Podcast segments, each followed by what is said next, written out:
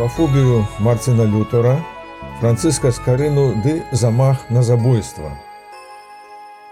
З'явіўся страх, грызе душу, нязваны жах, сыдзі, прашу. Прывітанечка ўнука. Думаю, што ўжо даводзілася табе нечага моцна баяцца.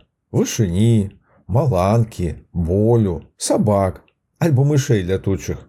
Так бывае. Хочу табе сказаць, што боязь ці страх часам бываюць такімі моцнымі, што паралізуюць волю чалавека, прыводзяць да панікі. Стану, калі чалавек губляе кантроль над сабою і абставінамі. Да першых дзіцячых страхаў пазней дадаюцца дарослыя. Даводзілася і мне гэта перажываць. Страх гэта натуральная, ахоўная эмоцыя чалавека. Рэакцыя на адчуванне небяспекі. Выкліканы бывае вонкавымі ці ўнутранымі акалічнасцямі, дазваляе людзям пазбягаць пагражаючых здароўю ці жыццю сітуацыі. Сёння хачу расказаць табе пра францыска скарыну і марціна лютара, пра тое, як боязь аднаго з іх не дазволіла ім добра пазнаёміцца і, магчыма, справу цікавую разам распачаць. Калі пра скарыну ты ўжо шмат чаго чула, то пра марціна лютара я табе пакуль нічога не баю то слухай. Вялікая колькасць выбітных людзей у скарынавыя часы жыла. Часам яны былі знаёмыя адзін з другім, часам пра існаванне сваіх сучаснікаў не ведалі. Дык вось у нямметчыне у гарадку Айслебен нарадзіўся хлапчук Марцін, які з карына даведаў пацягнуўся. Ва універсітэт Эрфурта па навукі вольная выправіўся. Прыкладна ў адзін са скарынам час бакалаўрам стаў а неўзабаве ступень магістра права атрымаў. Аднойчы, вяртаючыся з вучобы да хаты бацькоўскай пад страшэнную навальніцу патрапіў.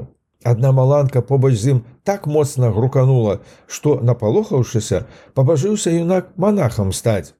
Калі падзеі гэтай начы перажыве і слова стрымаў. Ды біблію настолькі зацікавіўся, што да ўсяго яшчэ доктарам багаслов'я стаў у 1512 годзе тым жа самым годзе, калі і скарына свой дактарат па медыцыне бліскуча абараніў. Пайшоў Марцін Лютар святаром служыць, ды хутка быў пакліканы ва ўніверсітэт Вітенберга біблію выкладаць, дзе прафесарам стаў, і дзе праклёны папы рымскага ды слава сусветна яго нападкалі. Здарылася з вось што. Каб здабыць грошай, надзейнасць царквы сваёй, папа рымскі леў дзясяты дазволіў уласным упаўнаважаным па ўсёй імперыі грахі чалавечыя адпускаць за грошы адмысловымі граматамі індульгенцыямі гэта пацвярджаючы. І добра так сабе бізнес пайшоў. Аж пакуль у 1517 годзе марцін лютер не абырыўся гандлем такім. Супраць самога папы рымскага пратэстуючы на дзвярах царквы замкавай у вітанбергу 95 тэзаў нязгоды вывесіў бо лічыў што вера гэта не пра грошы а пра пакаянне. Звярні увагу на дату нука у тым самым 1517 годзе калі скары на пераклады бібліі у празе пачаў друкаваць тэзы лютера да рэфармавання рымска-каталіцкай царквы заклікалі якія потым падмурак асобнай веры склалі пратэстантызму ці лютаранства другімі словамі. І пачалося. З аднаго боку думкі лютара вельмі хутка значную колькасць прыхільнікаў вакол сябе збіраць пачалі з другога папа леў дзясяты абвяшчае марціна лютара ерытыком ды адлучае ад царквы каб публічна прымусіць Марціна лютара ад думак сваіх адрачыся адмысловы сабор у вормсе ў 1521 годзе скліканы быў. Але і гэта не атрымалася. На тым стаю пацвердзіў свае перакананні Марцін. Тут колькі словаў сказаць мушу пра з'яву, якая мелася ў тыя часы ў Еўропе. Панаванне царквы было такім моцным, што існавала так бы мовіць д'ябла логія. Тэорыя, якая ўсё незразумелая з мовамі д'яблаў ці вядзьмарак тлумачыла. А нязгодных даліку ерытыкоў лёгка залічвала, якіх самая суворая кара чакала. Існаваў адмысловы папскі дэкрэт, заклікаўшы духавенства выяўляць і знішчаць ведзьмаў. Ды інструкцыі кшталту молад ведзьмаў з апісаннем таго, як гэта рабіць. Давялося Марціну Лютару хавацца ў вайсковай крэпасці Вартбург, выкарыстаўшы заступніцтва імператора Карла V, дзе і бярэцца ён за пераклад бібліі з лаціны на народную нямецкую мову. І ўжо ў 1522 годзе пераклад новага запаведу быў надрукаваны. А ў 1525 Марцін Лютер пабраўся шлюбам з катарынаю фон Бора, як і францыск Карына з маргарытаю адвернік. Ізноў аж два супадзенні са скарынавым календаром. Ну і як тут было абодвум волатам духу не дазнацца адзін пра аднаго.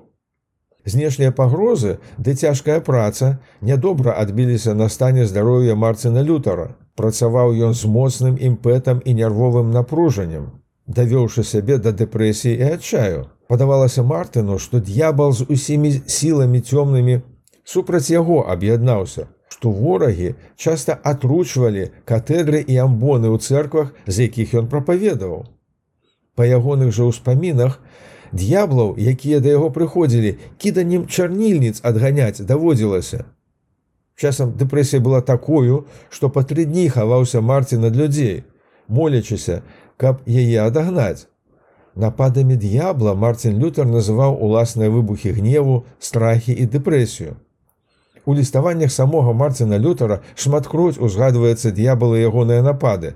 Так у лісце да жонкі Кэці ён піша цытата: Д'ябал паўсюль псуе піва смалой, а ваше віно дома псуе серы.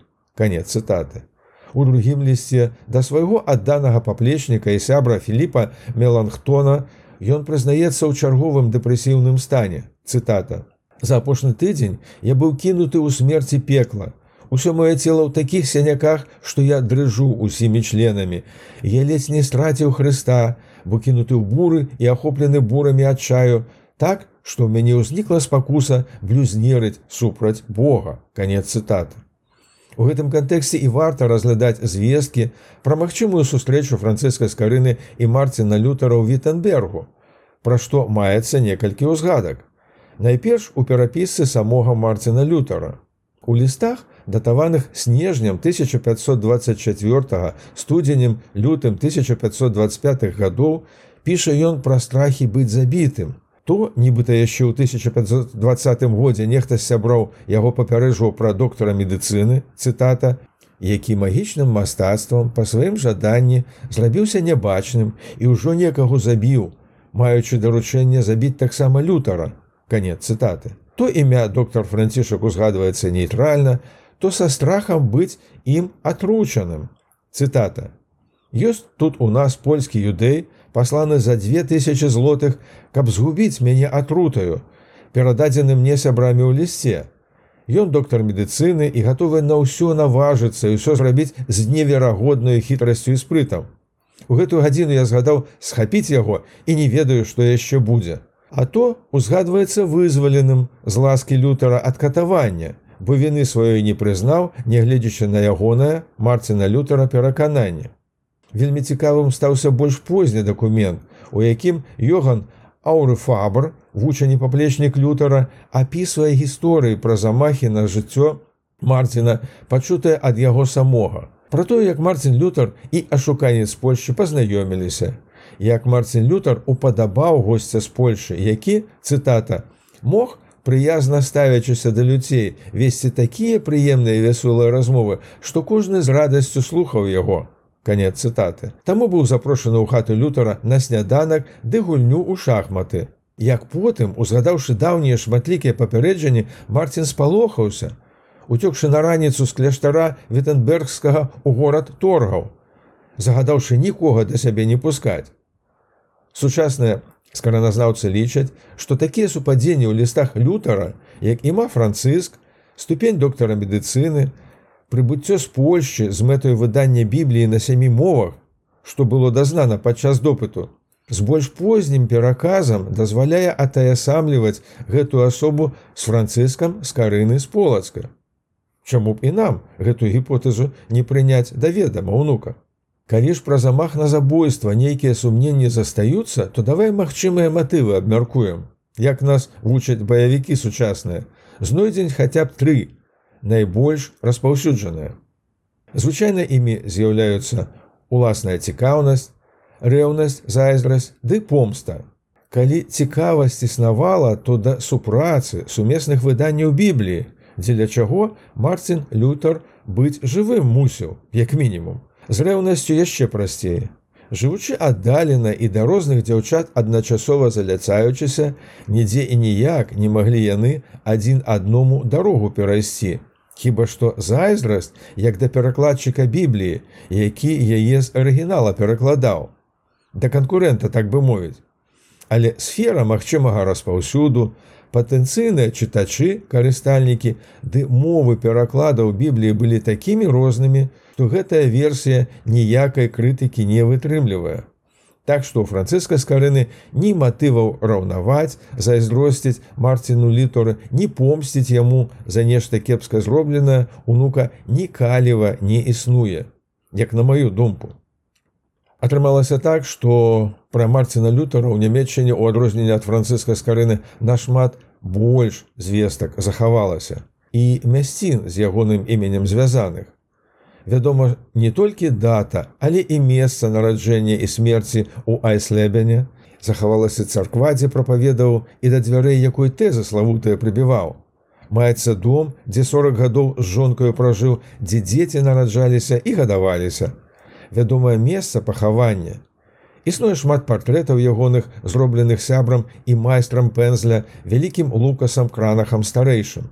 Вось і запрашаю цябе ўнука, калі-небудзь разам наведаць Айслебен і Лютарштат Віттенберг, каб там пра прыгоды францыска з карыны ды страхі Марціна Лютара яшчэ раз узгадаць.